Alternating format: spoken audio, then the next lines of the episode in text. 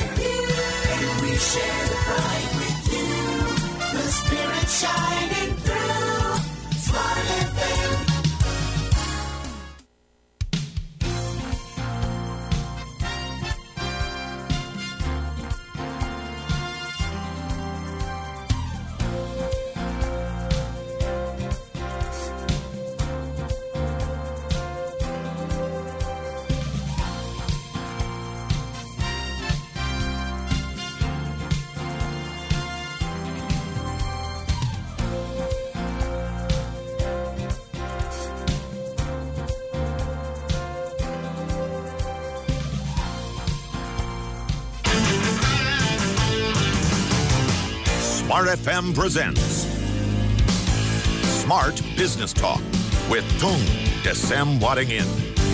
Smart Business Talk. Semangat pagi Indonesia, selamat pagi smart listeners dan juga sahabat Sonora. Apa kabar Anda? Selasa sudah balik lagi ya. Dan kembali saya Alina Mohamel hadir dalam Smart Business Talk dan untuk edisi pagi ini Selasa 11 Agustus 2015. Ini saatnya kita bersama kembali dengan Tung Desa Muaringin alias Pak Tung yang akan bersama kita dan sudah bersama saya di studio Smart FM Jakarta pagi ini. Selamat pagi Pak Tung, apa kabar? Selamat pagi yang dahsyat Mbak Alina. Juga selamat pagi yang dahsyat untuk smart listeners Dengan juga pendengar sonora yang saya cintai di seluruh jagat raya. Kabarnya cuman dahsyat atau dahsyat banget Kebetulan hari ini kabarnya mbahnya dahsyat banget Minggu lalu juga kabarnya Mbah Dahsyat ya. Always dahsyat Coca-Cola Oke, Pak Tung. Yes. Eh, dua pekan lalu ya saat kita siaran terakhir itu kita membahas mengenai tujuh teknik negosiasi ala Harvard. Ala Itu Harvard, yes. Masih saya ingat banget gitu ya. Nah. Minggu ini kita masih akan melanjutkan kembali bahasan mengenai negosiasi. Iya, betul. Tapi ini enam prinsip negotiation revolution. Dan Betul. biasanya yang suka pakai kata revolution itu adalah Pak Tung ya. Karena ini seperti sudah jadi trademarknya Pak Tung. Ada marketing revolution, ada leadership revolution, Ada life revolution ada live revolution. Memang hidup itu butuh revolution. revolusi ya. Nggak cuma pejuang revolusi aja, tapi hidup kita pun Yes. perlu revolusi. Perlu percepatan yang bisa berubahnya cepat nggak lama sekali. ya Pak Tung Hmm. ya.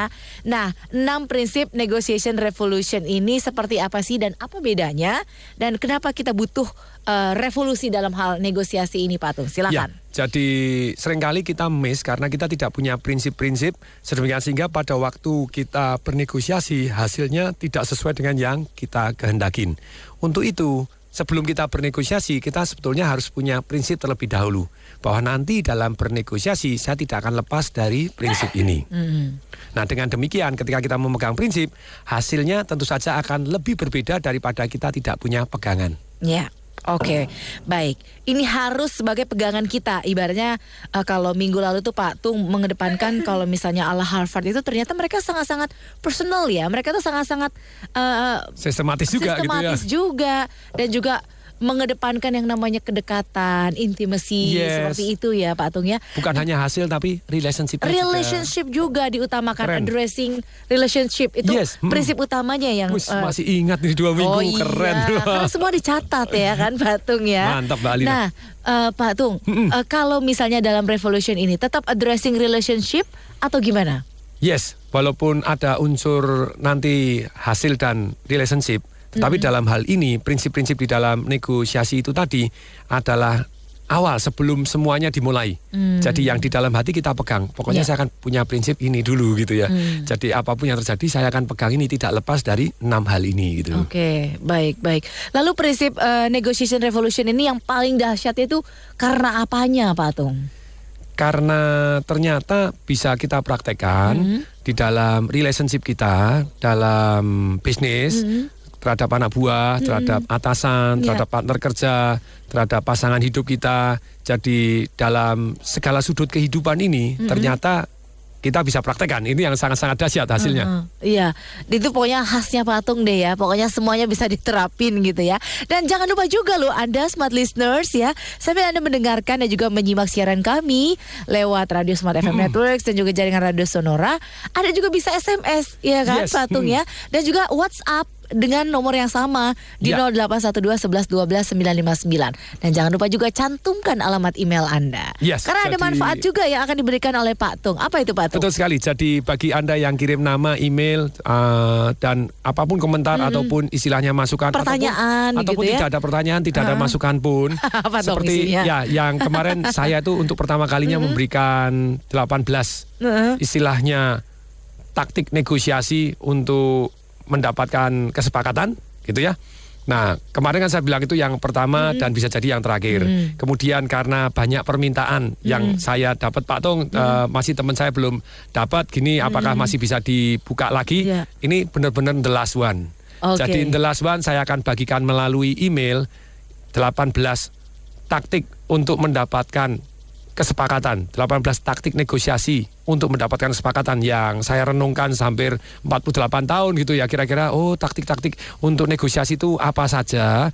Dan beserta contoh-contohnya kasusnya begitu ya saya akan berikan melalui email ini yang benar-benar terakhir jadi minggu depan saya tidak akan menawarkan sama sekali dengar dan pegang kata-kata saya gitu Oke, ya nggak akan menawarkan lagi mengenai 18 teknik negosiasi Nggak, ini saya ya. hanya ngasih hadiah untuk pertama yang kemarin dan ini yang kali ini benar-benar terakhir Oke, kalau baik. kemarin bisa-bisa bener- bisa-bisa jadi yang terakhir, kalau yang kali ini benar-benar terakhir. Benar-benar Jadi, terakhir. Oke. caranya bagaimana Mbak Alina? Silakan SMS ataupun WhatsApp kami di nomor yang sama 0812 11 12 959. Sekali lagi saya ulangi di 0812 11 12 959. Pak Tung kita masih akan lanjutkan kembali mengenai 6 prinsip negotiation revolution seperti apa dan apa bedanya dengan teknik negosiasi lainnya dan juga prinsip-prinsip negosiasi lainnya masih akan kita lanjutkan.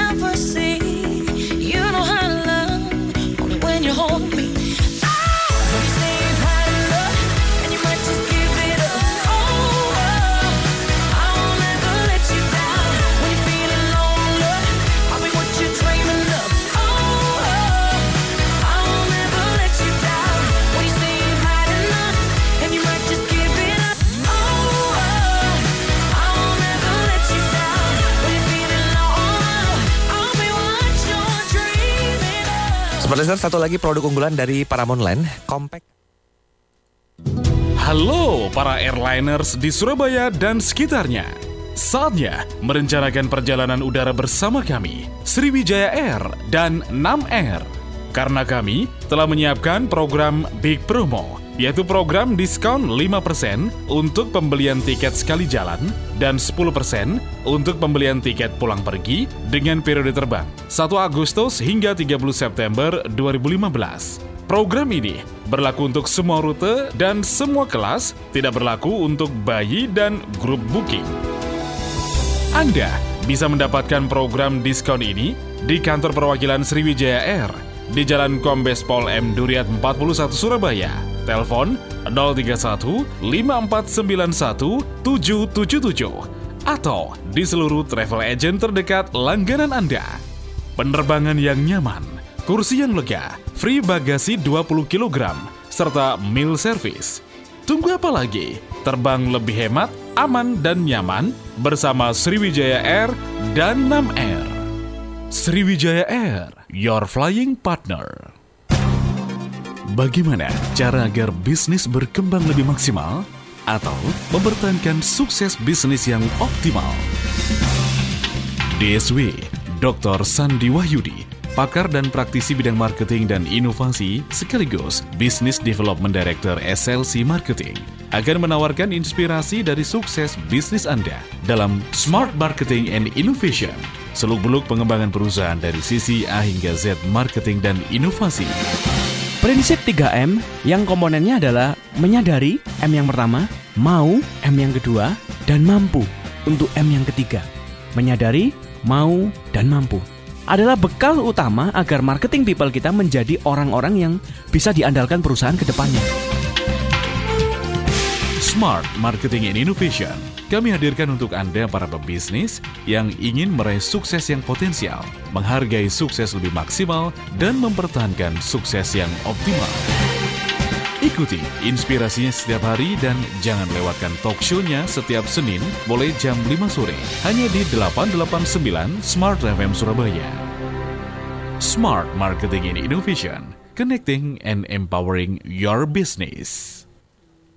Be smart with Smart FM. Smart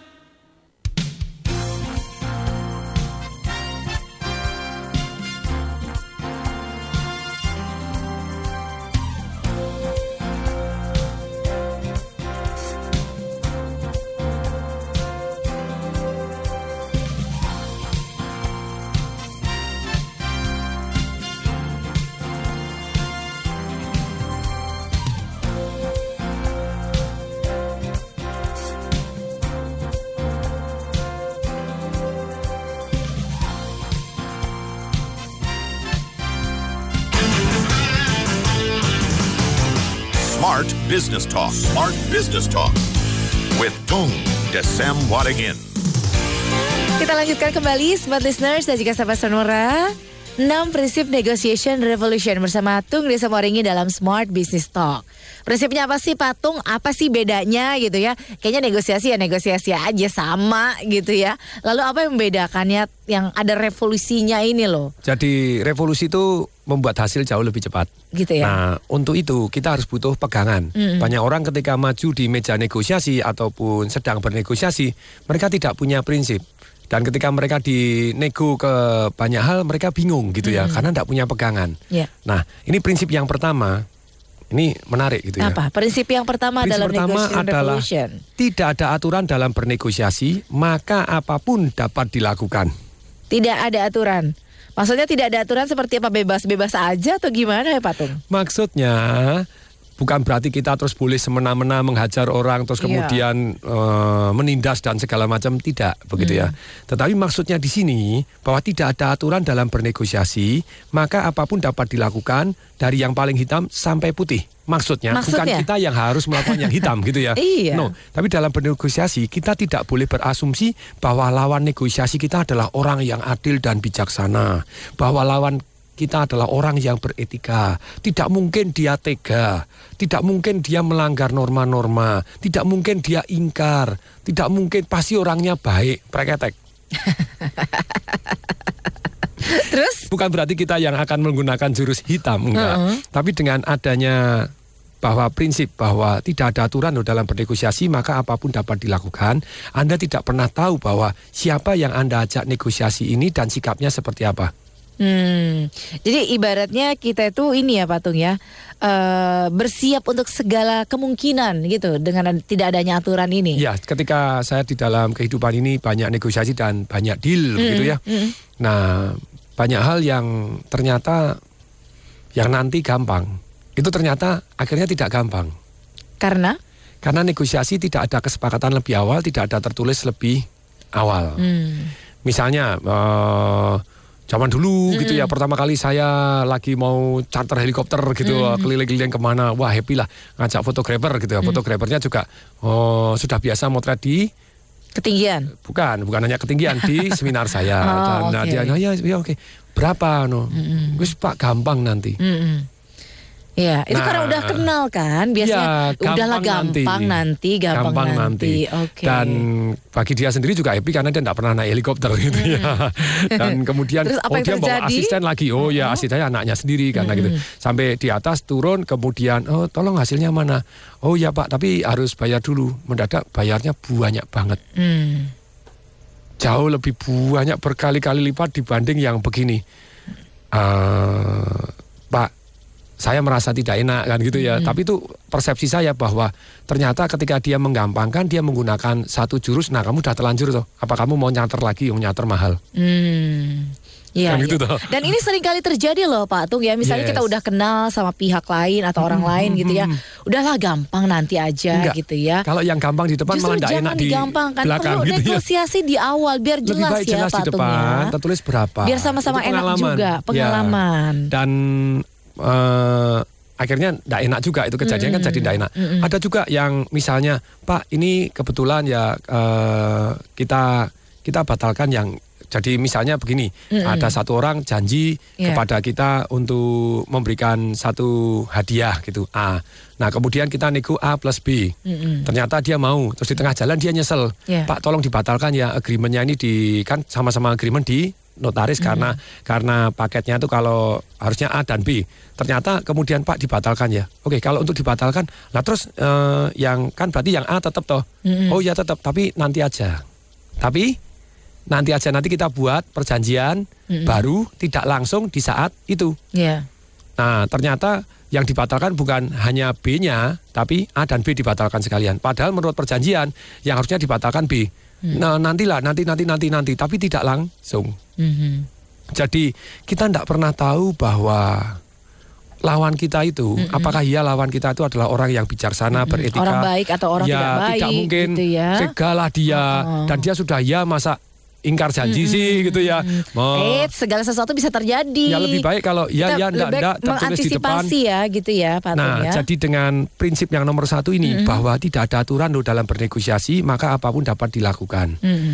Dan ketika mungkin enggak sekali lagi kita sendiri yang terjadi seperti itu, bukan bermaksud kita itikat negatif. Tapi ketika kita negosiasi, kemudian kita ngomong, yes, oke, mm-mm, aku mau ngasih kamu A, gitu ya. Kalau kamu sukses ini tak kasih A. Mungkin nggak kita sendiri lupa. Mungkin, sangat mungkin dan Padahal sering sudah negosiasi, terjadi. sudah ternegosiasi, Karena sudah tidak tertulis. Satu orang tertulis saja bisa di- lupa. iya, Loh, saya dulu diucapkan tanda aja. tangan ini toh. Jangan-jangan Nah. dipalsukan. Nah, Padahal itu memang dia. sudah tanda Itu tangan. curigation terus itu ya Pak Tung ya. Ya, Oke, jadi lalu penting dipahami bahwa lawan negosiasi kita itu dapat melakukan apa pun demi mencapai tujuan yang diinginkan. Hmm. Jadi kelihatannya dia memang sengaja mau membatalkan A dan B. Nah kita setuju dengan B, tapi per- eh, perjanjiannya tidak dibuat bahwa yang dibatalkan itu kan ya sudah A dan B kita batalkan dulu ya Pak ya. Nanti kita buat perjanjian baru untuk bahwa dealnya A. Oke, tapi tidak langsung saat itu. Nah karena tidak langsung saat itu nanti nantinya kapan? Hmm. Ya, Tetap selesai. Loh kamu kan sudah batal Pak, memang A dan B. Loh bukannya dulu, dulu kapan? ya. Orang tertulis saja bisa lupa. Karena penting juga ya seperti yang juga kemarin disampaikan oleh Patung adalah eh, waktu gitu ya. Yes, jadi kalau waktu Anda pelaksanaan deal, negosiasi itu Ada harus waktu pelaksanaannya. Mm-mm. Ya. You never know situ ya, bahwa Ya. perjanjian ini berlaku sampai tanggal know, sekian. ya.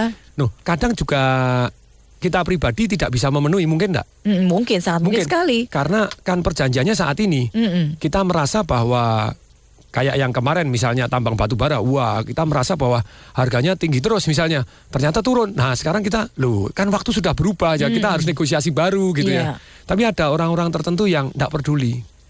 Dipikirnya itu uh, Perjanjiannya everlasting seumur gitu ya, hidup. Kamu seumur sudah hidup. sekali ngomong ya forever and ever gitu ya.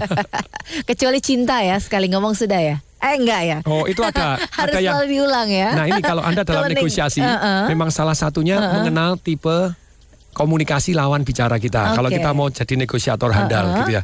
Kalau itu ada cerita itu. Jadi ceritanya begini. Satu hari ceritanya yang istrinya, istrinya itu sebenarnya tipe pendengaran. Kalau tipe pendengaran dia butuh dirayu pakai suara. Sedangkan suaminya tipe penglihatan. Jadi istrinya protes, "Papa, kamu tuh kok nggak kamu sebetulnya sayang nggak sih sama aku?" Eh, lah mama kan bisa lihat loh karena tipe penglihatan hanya pakai lihatlah saya gitu ya. Loh mama bisa lihat. Ya enggak cukup toh pak. Ya papa tuh mau ngomong I love you kenapa sih? Ngomong apa? Ya papa tuh mau ngomong I love you. Berat ya mama, untuk ngomong Mama ya. Hmm. itu karena dia enggak biasa ngomong. Mbok lihat mah, lihat sikap saya seperti mama seperti apa. Mama kan bisa memberi arti. Nah, gini, ya kurang papa harus ngomong I love you karena tipe pendengaran itu tipe komunikasinya dia harus mendengar. Jadi ngelihat doang enggak puas, belum terpuaskan. Iya. Nah, terus kemudian Mbok mama tuh lihat saya. Terus disuruh lihat lihat lihat terus karena papanya tipe penglihatan, mamanya minta dengar. Akhirnya papanya eh, gemes juga karena disuruh ngomong I love you dan papanya sendiri tidak bisa, tidak biasa ngomong I love you. Banyak laki-laki yang seperti itu, gitu ya. Terus kemudian, papa mbok ngomong I love you kenapa sih? Terus kemudian, kapan mah? Kapan? Kapan papa ngomong terakhir itu? Dulu pada waktu kita menikah. Nah itu mah tandanya papa itu orang yang bisa dipercaya. Sekali ngomong tidak usah diulangi lagi katanya gitu. Oke, nah terkait dengan negosiasi ini gitu Yes. ya Pak Tung ya. Eh, setelah yang prinsip pertama bahwa tidak ada aturan dalam bernegosiasi, lalu prinsip apa yang kemudian juga harus kita miliki ketika kita bernegosiasi? Nah prinsip yang kedua kita harus melakukan 3C. Apa tuh 3C? Cermat, Heeh. cerdik, dan cepat. Cermat, cerdik dan Cepat. Ya. cepat. Oke, bukan Jadi- cerdas cermat dan cepat tepat. ya. Boleh juga gitu ya. Oke, Eh, oke. 3C. Nah, jadi 3C itu begini, jadi cermat itu seperti yang minggu lalu saya sampaikan bahwa orang janji, oh ya saya janji ya kamu kalau sukses tak kasih teh misalnya begitu. Iya. Tehnya apa sih? Teh basi, teh olong, teh chamomile, teh apa, berapa banyak. Iya. Nah kalau kita tidak cermat dalam melakukan negosiasi, otomatis kita tidak jelas apa yang diperjanjikan, Mm-mm. kurang tepat Ya. dari saya punya partner bisnis bertahun-tahun begitu ya. Jadi beberapa kali juga mengalami hal yang aduh dipelintir di sini. Sudah pakai lawyer yang bagus, pakai notaris yang bagus, kita sudah siapkan hukumnya. Eh ada lubang aja gitu ya. Tapi itu itu pengalaman yang luar biasa. Makanya kalau kita bisa menggunakan notaris yang memang betul-betul berpengalaman dalam deal-deal yang sudah biasa tersebut, tentu saja akan jauh lebih aman daripada kita perjanjian sendiri gitu ya. Jadi cermat ini tidak perlu harus kita yang cermat, tapi kita butuh penasihat-penasihat yang memang sudah terbiasa Hmm, ahlinya ya. Ahlinya di ya. bidang tersebut. Jadi sedemikian sehingga tidak ada lubang yang bisa diartikan lain. Hmm. Lu bagiku ini kopi yuk. Lu bagiku ini teh padahal yang dikasih kopi. kan enggak bisa ngomong. Ya beda fisiknya dong ya. Nah, itu kan itu itu sama-sama kita jelas teh. Hmm. Kamu saya maunya teh hijau, kita dikasih teh hitam. Bagi aku itu masih hijau, kan cilaka. ya, kan Yang- beda persepsi, beda yang juga tertulis cara orang saja teh hijau, ya. tetap aja ada orang yang bisa ngasih kita teh hitam. Hmm. Lu bagi aku tuh hijau. Walaupun agak hitam, tapi itu bagi aku sudah hijau loh kan ngeyel loh Ya. gitu. Jadi Oke. yang tertulis cermat aja itu bisa dipersepsikan lain, apalagi tidak cermat. Janjinya teh ciloko, teh apa gitu ya. Jadi ketika anda Tidak spesifik juga gitu ya. Yes. Oke, dua prinsip Cermat. negotiation revolution sudah dibahas. Oh, Masih belum, belum, sih? dua- dua baru eh, satu sepertiga. Oh, satu sepertiga ya. Karena yang- Mengenai tiga cerdik C-nya dan- baru cermat, belum Iya. cerdik dan cepatnya Iya, gitu ya mm. Patung ya. Tapi kita akan lanjutkan kembali karena kita masih ada waktu juga ya Patungnya di dua segmen berikutnya dalam Smart Business Talk. Yes. Mm. Jadi untuk Anda Smart Listeners dan juga sahabat Sonora, silakan SMS dan juga WhatsApp kami di nomor yang sama di 0812 11 12 959 untuk mendapatkan 18 teknik negosiasi dari Pak Tung lewat email. Jangan lupa cantumkan nama dan juga alamat email Anda. Ini yang terakhir. Jadi Ini yang benar-benar terakhir, sungguh-sungguh saya ya. hanya ngasih yang terakhir. Setelah itu saya tidak akan memberikan hadiah yang ini lagi. Jadi Anda yang tertarik untuk mendapatkan hasil perenungan Tung Desa Waringin tentang negosiasi dan taktik-taktik untuk mendapatkan kesepakatan itu seperti apa, begitu ya. Jadi ini versi seumur hidup rangkuman gitu ya. Ya. Jadi Anda tinggal SMS atau WhatsApp nama dan email Anda ke 0812 11 kemudian 12 lagi 959 atau 08 12 11 kemudian 12 lagi 959. Silakan SMS ataupun WhatsApp sekarang juga. Oke, kita masih akan lanjutkan bahasan mengenai 6 prinsip negotiation revolution. Lanjutannya seperti apa yang bisa diterapkan gitu ya, tidak hanya dalam bisnis, tapi juga dalam kehidupan pribadi Anda. Kita masih akan lanjutkan kembali, tapi sebelumnya kita akan jeda dulu untuk beberapa informasi berikut ini. Smart Business Talk. Smart Business Talk with Tung Desem Wadingin. Lensa Zeiss merupakan lensa yang dihasilkan oleh teknologi Zeiss dari Jerman yang sudah diakui sejak 1846. Lensa Zeiss dibuat di optik tunggal laboratori secara customized dengan software canggih dengan memfokuskan zona baca dan zona intermediate yang tidak dimiliki oleh lensa lain. Karena lensa Zeiss dibuat sesuai kebiasaan dari penggunanya serta mengikuti anatomi wajah dan keseimbangan penglihatan dari kedua mata. Zeiss memberikan ketajaman penglihatan, kejernihan, dan kenyamanan Anda. Carl Zeiss menjamin presisi dan akurasi serta memberikan penglihatan alami yang jernih dengan kontras tinggi dan menjamin kenyamanan pemakainya. Lensa Zeiss tersedia untuk usia dini hingga lanjut. Dapatkan lensa Zeiss yang saat ini hanya tersedia di optik tunggal di seluruh Indonesia dan Zeiss Vision Center yang dioperasikan oleh optik tunggal di Plaza Indonesia dengan unlimited warranty selama satu tahun. Optik tunggal, best choice, service, and quality. Be smart with Smart FM.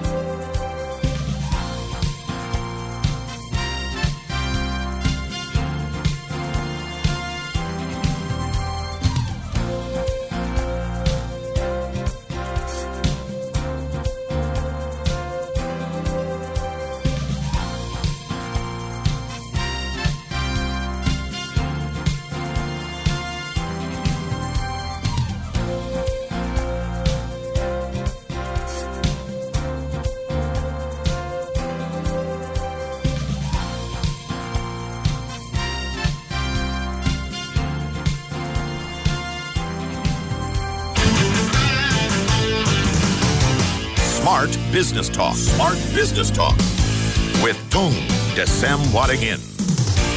Oke, kita lanjutkan kembali di segmen ketiga mengenai 6 prinsip negotiation revolution. Nah, prinsip yang pertama tadi setelah saya pikir-pikir iya juga ya Patung ya.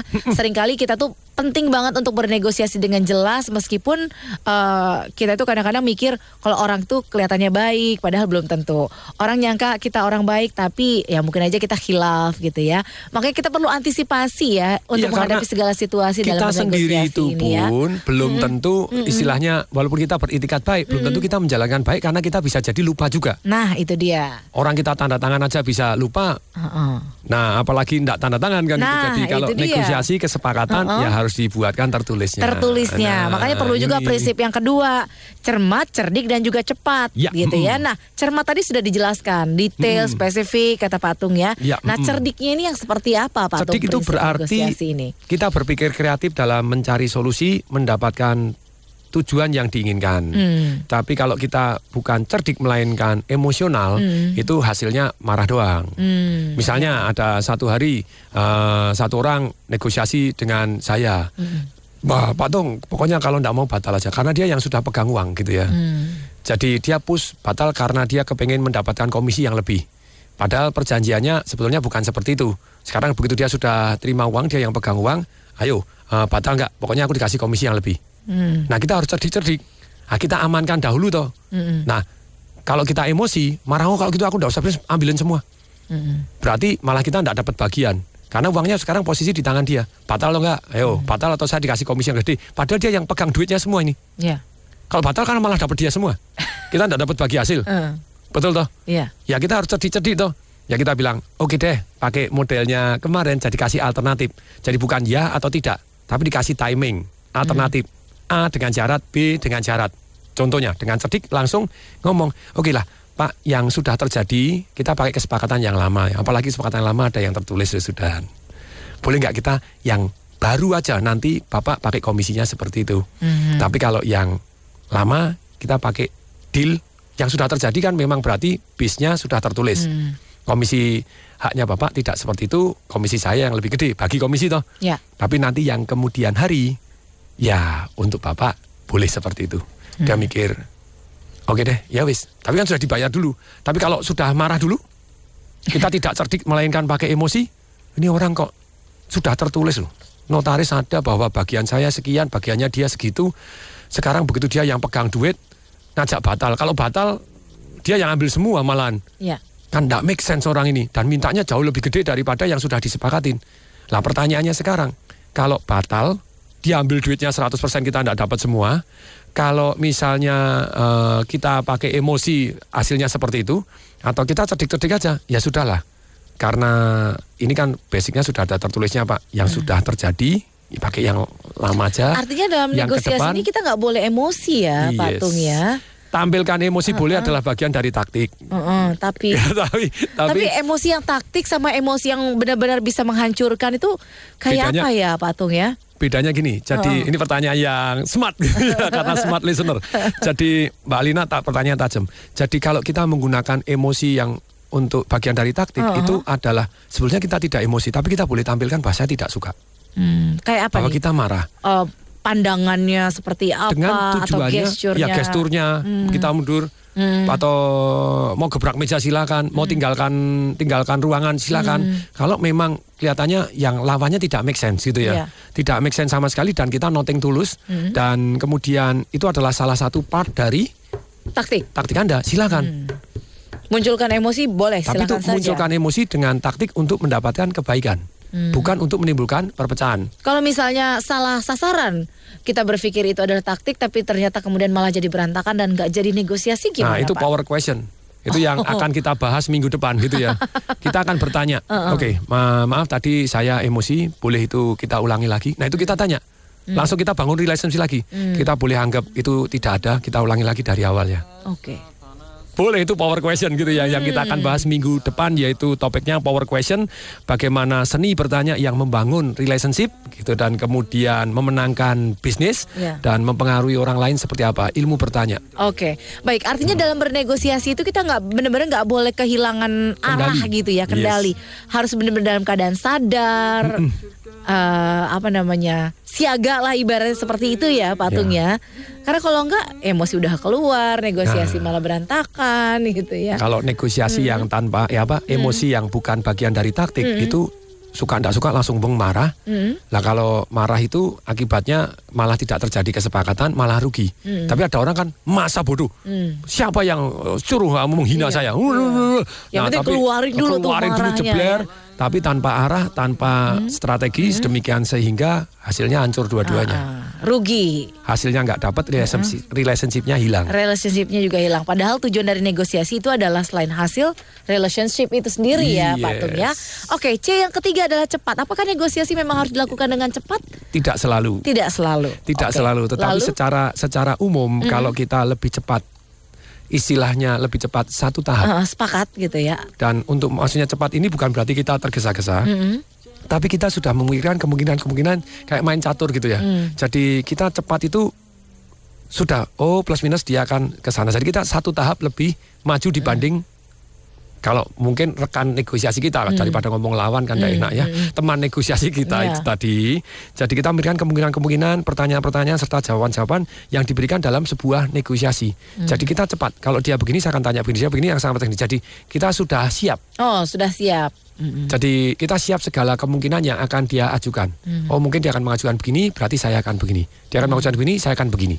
Dengan kecepatan seperti ini, tentu saja membuat kita jauh lebih mudah untuk menjawab dan memberikan sebuah tawaran daripada kalau kita tidak siap. Hmm. Seperti pembicara misalnya Iya, begitu. oh. Pembicara yang sudah ngomong, oh minggu depan saya akan ngomong tentang ini. Ya, tentu saja dia akan lebih siap daripada datang ngomong apa ya misalnya begitu. betul betul betul betul. Itulah artinya eh, cepatnya itu dilihat dari konteks itu ya Siap-siap. Pak. Ya. ya. Ada persiapannya. Betul. Jadi ah, apa pun serangannya, ibaratnya udah tahu ini mau dibalas pakai loop, pakai smash atau Cop. ya, atau dicop atau apa gitu ya Patung ya. persis seperti lawyer gitu ya. Uh-uh. Ternyata pada waktu saya kan kuliah hukum gitu. Jadi pernah jadi mahasiswa teladan di sebuah fakultas hukum di sebelah Keren Maret lah dari dari muda juga satu ya gitu Patung ya. Nah, Uh-uh, pada terus? waktu saya aktif di LBH, kemudian aktif bantu di dari satu seorang lawyer gitu ya. Mereka sebelum beracara, sebelum masuk di pengadilan, mereka punya satu yang namanya istilahnya eh, lawyer setan. Maksudnya lawyer setan itu gimana ya? Jadi jadi istilahnya dia yang mengcounter terus. Kamu ngomong gini, saya counter gini, saya counter gini. Jadi supaya orangnya siap, terlatih. Hmm. Jadi pihak lawan seperti apa, jadi dia jauh lebih siap. Kalau nanti lawannya ngomong gini gimana? Kalau nanti jaksanya begini ngomong gini bagaimana? Kalau pengacara Kayak yang lain, simulasi gitu Yes, ya, simulasi. Patung ya. Jadi segala segala namanya devil advocate gitu. Devil advocate itu dia men-challenge Anda dengan pemikiran yang berlawanan terus. Hmm. Sedemikian sehingga ketika pikiran yang berlawanan tadi, argumen yang berlawanan tadi keluar, Anda siap. Kalau dia keberatan seperti apa? Ya. Anda jelasinya sudah. Ada nggak alternatif yang lain? Eh, kemudian kalau dia keberatan lagi, kalau dia memberikan ancaman, kalau dia walk away, kalau dia begini, apa persiapan kita? Jadi dengan kita sudah latihan seperti ini, kita jauh lebih cepat dalam waktu bernegosiasi karena memang sudah mengantisipasi Terlatih. dan terlatih. Oke, sudah terlatih dan juga terbiasa, jadi tahu bagaimana cara menghadapinya gitu Yes, ya Pak betul ya. sekali. Oke, dua prinsip negotiation revolution sudah kita bahas bersama dengan Patung. Nah, kita masuk ke prinsip yang ketiga ya Patung ya. Hmm. Dengan Masih ada senang hati. sedikit waktu di segmen tiga Yes, ini. Silakan. Jadi yang prinsip ketiga yang itu ketiga. secara umum, Mm-mm. kecuali tadi bagian dari strategi, Mm-mm. kita harus tenang, ramah dan sopan. Tenang, ramah dan sopan. Iya. Oke. Ya, Terus ini penjelasannya seperti apa ya Gini, Patung? kalau Anda mau bisa jadi cerdik tadi, gitu ya. Cerdik tadi kan eh, benar-benar mengatur strategi dengan benar, Iya. ngomong dengan ditata. Itu memang kita butuh tenang, Hmm, suasana tenang. tenang, ramah, sopan, handal mengendalikan emosi gitu ya. Karena logika kita akan jauh berjalan lebih baik kalau kita tidak emosional. Kita boleh marah dan tegas dalam negosiasi, tapi sekali lagi harus dipastikan hal tersebut memang sudah direncanakan, bukan karena terpancing emosi oleh lawan negosiasi kita. Hmm. Jadi kalau misalnya negosiasi dalam keadaan terburu-buru, dalam keadaan Anda tidak tenang, tenang, tidak tenang, terus itu Anda hasilnya tidak ramah, tidak disukai, Gitu Anda ya. tidak sopan, Anda tidak disukai, hasilnya, pasti banyak kurang melesetnya ya. lah gitu ya. Banyak melesetnya, tidak sesuai dengan apa yang diinginkan ya Patung ya. Yes. Oke oke. Ah, apakah dari para negosiator ulung ini Patung mereka Hmm. memang menerapkan prinsip-prinsip ini sehingga mereka hampir selalu berhasil dalam negosiasinya Pak Tung. Jadi bukan selalu berhasil, Ya. tapi keberhasilannya akan meningkat lebih pesat daripada kalau mereka tidak mempunyai prinsip-prinsip seperti ini. Hmm. Ya, oke, baik. Sudah tiga yang kita Yes. bahas ya, Hmm. tiga prinsip dari enam prinsip negotiation revolution bersama Patung yang kita bahas. Masih ada tiga, Iya. dan kita masih akan bahas di segmen akhir dalam Smart Business Talk. Sudah Semoga akhir? Semuanya sempat terbahas ya, Baru- Patung. baru ya. mulai loh. Gak terasa Patung, tapi kita akan jeda dulu untuk beberapa informasi komersial berikut. Kami akan segera kembali. Smart Business Talk. Smart Business Talk with Tung Desem Wadingin. Era globalisasi telah mempengaruhi perkembangan teknologi di berbagai belahan dunia. Berbagai negara berlomba-lomba mengembangkan teknologinya, termasuk teknologi informasi. Tidak mengherankan, teknologi informasi atau IT saat ini menjadi salah satu bidang industri yang berkembang dengan begitu pesatnya. Simak perbincangan menarik tentang perkembangan dunia IT dalam interaktif talk show Smart IT bersama Data Utamanet. Setiap hari Rabu, minggu kedua dan keempat, mulai jam 15 waktu Indonesia Barat di 889 Smart FM. Persembahan Smart FM Surabaya dan Data Utamanet Total IT Solutions.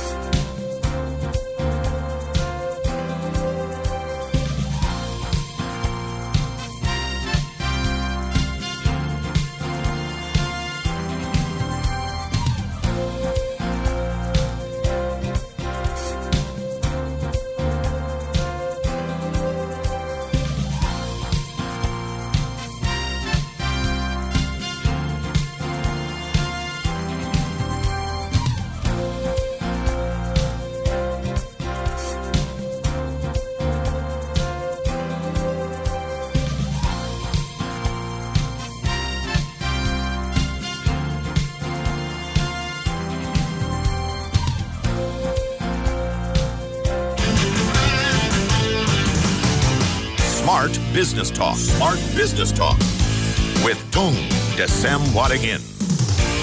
Kita lanjutkan kembali Smart Business Talk bersama dengan Tung Desa Muaringin mengenai enam prinsip negotiation revolution. Dalam semua segi loh kita tuh butuh untuk bernegosiasi ya Betul Patung ya. sekali. Bahkan Patung sendiri mengirimkan muridnya untuk belajar tentang negosiasi ini ke Harvard langsung ya, Ya, Patung ke ya. Harvard, ke MIT. Ke MIT. Ya, terus Oke. belajar Sebegitu seriusnya ya. untuk mempelajari. Untuk mempelajari mengenai negosiasi. Nah, tiga prinsip sudah kita pelajari ya, Ya, Pak Tung ya. Nah, prinsip berikutnya biar tuntas nih Pak Tung, nggak Ya. penasaran ya. Yes. Apalagi prinsip yang harus kita miliki ketika kita mau mulai untuk bernegosiasi, Pak Tung. Betul. Jadi yang keempat adalah jangan mudah berkata tidak dan jangan mudah menerima jawaban tidak. Jangan mudah berkata tidak dan menerima Jawaban tidak. jawaban tidak. Maksudnya seperti apa, Jadi Pak Tung? untuk mendapatkan yang terbaik, Mm-mm. berbagai macam opsi, sebaiknya kita selalu menghindari kata tidak semaksimal mungkin. Mm-mm. Oh kalau itu aku tidak mau. Daripada ngomong kalau itu tidak mau, misalnya bisa sih kalau seperti itu alangkah baiknya ada syaratnya. Hmm. Nah kan gitu ya. Atau bisa nggak pakai alternatif yang lain. Jadi kita bukan langsung ngomong tidak terlebih dahulu, karena begitu tidak langsung menghentikan percakapan sering kali gitu ya. Iya. Jadi boleh nggak boleh kalau in purpose dan kemudian setelah itu Anda punya jalan exit clause-nya begitu ya.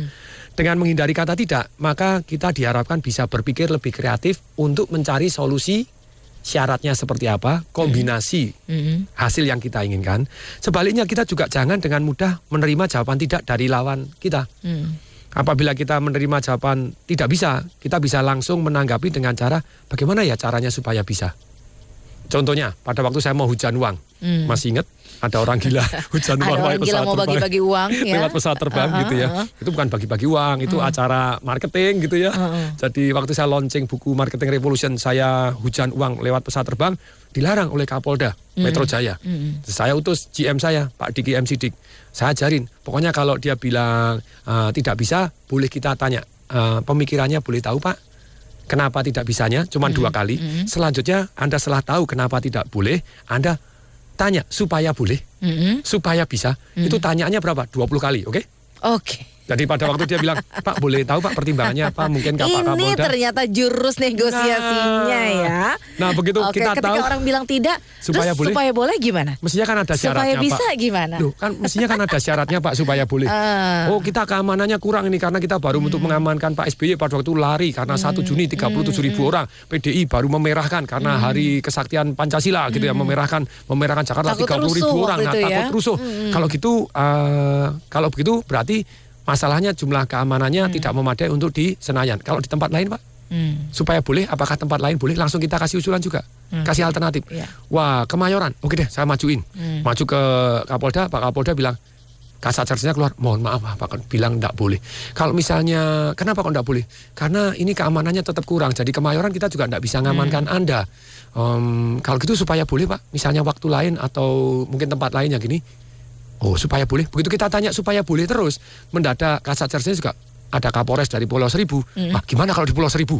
Hmm. Loh, kemudian GM saya telepon ke saya, Pak Tung di Pulau Seribu gimana? Cocok, deal. Loh, kan enggak ada yang rebutan. Tenang gitu loh. Itu yang penting wartawannya. Orang kita tuh bukan untuk amal, bukan tapi untuk mendapatkan sorotan mass media kok. Jadi yang penting bukan yang rebutan, yang penting wartawannya. Loh, wartawannya apa mau datang Pak di Pulau Seribu? Lah ya mau lah kapal kita bawain, terus kemudian yang rebutan kan ada, jadi wartawannya dapat bagian lebih banyak toh. Happy toh. Happy. Ini Nah. happy untuk semuanya ya. Nah, Everybody Kapolres Pulau Seribunya ya. betul di tempat saya aja, enggak apa-apa. Nanti kalau enggak ada yang rebutan, saya kerahkan saudara-saudara saya. Aduh, ya. Jadi everybody happy. Iya, Wartawan happy, enggak usah pengamanan eh, khusus, polisinya juga happy. Terus yang datang di sana ya dapat duit lebih banyak karena Iya. disebar di Pulau Seribu. Jadi ya. prinsipnya memang jangan kebanyakan kata enggak ya, tapi Jadi tanya, supaya, boleh, bisa, supaya, boleh, bisa. Mestinya ada syaratnya dong supaya Oke. boleh. Kira-kira supaya boleh? Heeh. Maju lagi kasat sersennya ke Kapolda. Kapoldanya bilang tak boleh karena sudah terlanjur ngomong dengan wartawan. Oh kalau gitu supaya boleh ya di tempat yang lain aja. Ini bisa bantu tempat lain.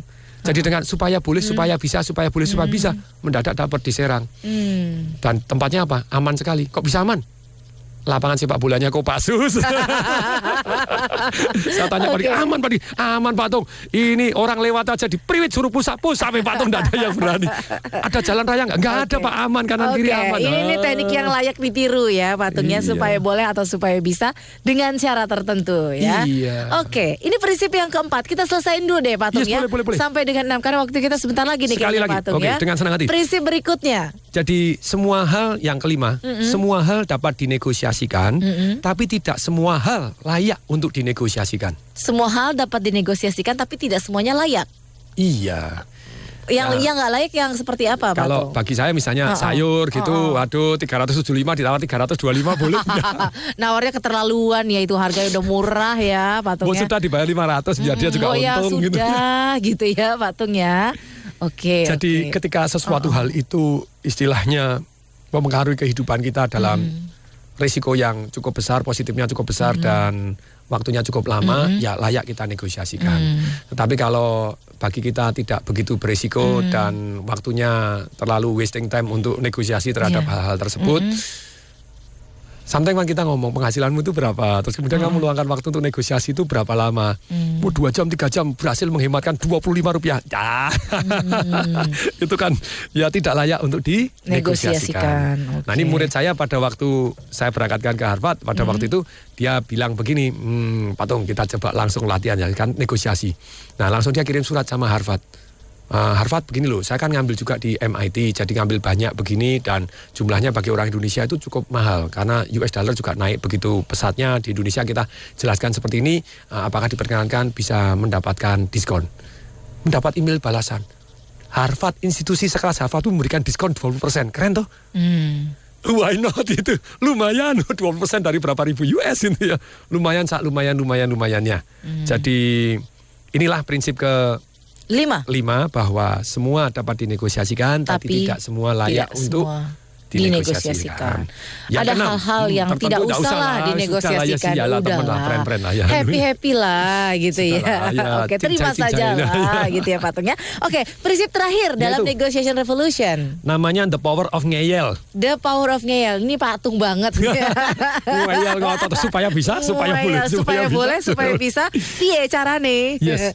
Apa nih patung prinsip yang terakhir? The power of ngeyel. Tingkat keberhasilan sebuah negosiasi sedikit banyak ditentukan oleh level persistensi atau ngeyel atau kegigihan dari sang negosiator. Hmm. Salah satu contoh angka boleh plus minus gitu ya karena saya tidak begitu ini bisa jadi terkena distorsi. Hmm. Tapi begini, saya pernah baca satu statistik untuk orang di insurance. Hmm. Ternyata orang yang ditolak oleh orang yang sama Mm-mm. lebih dari lima kali Ya. orang ini menghasilkan omset 67% atau 76% bisa jadi terbalik Mm-mm. dari seluruh asuransi tersebut. Mm. Jadi begini, orang yang ditolak pertama oleh orang yang sama kemudian sudah kabur, Ya. itu ternyata omsetnya cuma sekian persen dari total dari penghasilan dari insurance tadi. Tapi orang yang ditolak lima kali li- lima kali lebih, lima kali ke atas, ada yang enam kali, tujuh kali oleh orang yang sama, tentu saja orang yang berpotensi, begitu ya. Mereka menghasilkan orang-orang yang ditolak ini tadi. Ditolak masih maju lagi, besok datang lagi, masih sehat lagi, masih nantang Kekeh lagi, ya. masih kekeh terus Kekeh, itu menghasilkan omset sekitar 67-76 persen dari total insurance tadi omsetnya. Hmm, itu Jadi, buah dari kegigihan, ya. Jadi tidak ada yang mengalahkan kegigihan, not even kecerdasan, not even hoki. Hmm. Hoki hanya sekali kok. Hmm. Tapi kalau kegigihan berkali-kali. Berkali-kali karena itu sesuatu yang diusahakan gitu ya, diperjuangkan ya patung ya. Oke, kegigihan. Apakah kegigihan itu sama dengan kengeyelan, Patung? Jadi beda tipis antara dablek Dablek dan dengan gigi. Ah, itu Bedanya dia. apa sih gitu ya? Ini pertanyaan apa, yang very smart gitu ya. Heeh. Pertanyaannya gini, kalau yang namanya dablek itu kita sudah tahu tidak berhasil, Uh-uh. masih kita ngotot. Hmm. Tapi kalau yang namanya tangguh, kita tahu bahwa itu berhasil, maka kita tidak pernah menyerah. Ya. Beda nggak? Beda. Bedanya kita sudah tahu dari oh ini plus minus nggak mungkin ini kalau udah nggak mungkin ya kita ngeyel terus ya, Hmm. Ya, percuma. itu namanya dablek gitu ya Dablek, keras kepala. uh-uh. Tapi kalau kita nggak kok nggak ada salahnya kok. Ini terbukti kok kalau Hmm. orang-orang yang lima kali enam kali ngotot gini lebih berhasil ya saya kan lima kali enam kali. Hmm. Karena dia tahu Statistik pasti berbicara ya. kok.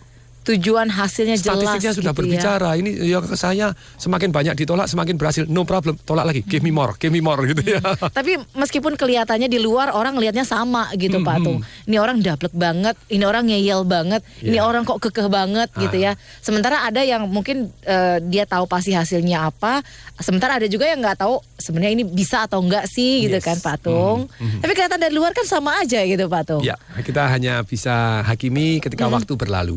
Ketika ya waktu berlalu dan lihat hasilnya Yes. gitu ya. Orangnya Oke. sukses nggak sih gitu ya? Orangnya sukses nggak sih? Jadi terbukti semua perjuangannya Iya. gitu ya Pak Tung ya.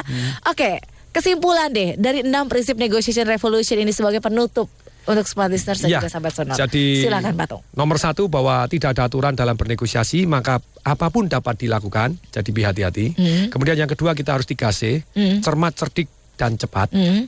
Kemudian yang ketiga kita harus tenang, ramah dan sopan. Hmm. Yang keempat tidak mudah berkata tidak dan tidak mudah menerima jawaban tidak. Yang kelima semua dapat dinegosiasikan tapi tidak semua hal layak dinegosiasikan. Pilih-pilih yang dinegosiasikan. Yang keenam, the power of ngeyel, persisten, ngotot. Hmm. Ini akan membuat kita berhasil. Ya. Nah, bagi smart listener yang saya cintai, yang Anda ingin mendapatkan 18 teknik negosiasi taktiknya Mhm. untuk mendapatkan kesepakatan hasil pemikiran tulis yang paling ingin melalui email. Ini yang terakhir kalinya saya tawarkan, minggu-minggu depan tidak akan saya beri sama sekali gitu ya. Anda silakan, Anda kasih nama dan email. Dan bila Anda kepengen mendapatkan training Mhm. secara gratis dari murid saya yang ke Harvard dan ke MIT Uh, ini, dapat ilmu langsung dari orang yang belajar di Harvard nih ceritanya Pak Tung ya. yes, Wow. bahkan bisa secara gratis Anda Uh-uh, hanya tinggal bayar gratis. tiket pesawat dan Uh-uh. hotelnya saja karena orangnya datang dari Surabaya. Terus ada biaya uang sakunya saja, se- ya uang makan, uang taksi, uang ini kecil saja. Karena harusnya kalau Anda bayar ke Harvard kan minimal 8.000 US habis gitu ya. Jadi ini Anda akan mendapatkan secara gratis. Dengan cara gimana? Anda ketik nama Anda dan email Anda serta tulis bahasa ingin mendapatkan training perusahaan saya ingin mendapatkan training ini syaratnya apa kondisinya apa silakan Anda SMS ke nomor yang sama tadi 081 11 12 959. Saya ulangi, baik Anda mau mendapatkan email saya Mhm. ataupun ingin mendapatkan pelatihan secara gratis, Anda kirim email ke 0812 11 12 lagi 959. 0811 eh salah ya 0812 Mhm. kemudian 11 kemudian 12 lagi Ya. 959 sekarang juga. Oke, biar komplit semua lah ya, ya Pak Tung ya. Yes. Nggak cuma penjelasannya di radio, tapi juga lewat email. Siapa tahu perusahaannya juga ingin mendapatkan pelatihan training Yes, dengan ala dari apa tadi, studi ala kasusnya Harvard. seperti apa, Nah, dan silahkan game-gamenya kirimkan apa. nama dan juga Satu alamat hari- email Anda Yes, ya. ah. Semuanya akan dijelaskan di sana nanti ya lewat Dengan email itu hati. ya Pak Tung ya.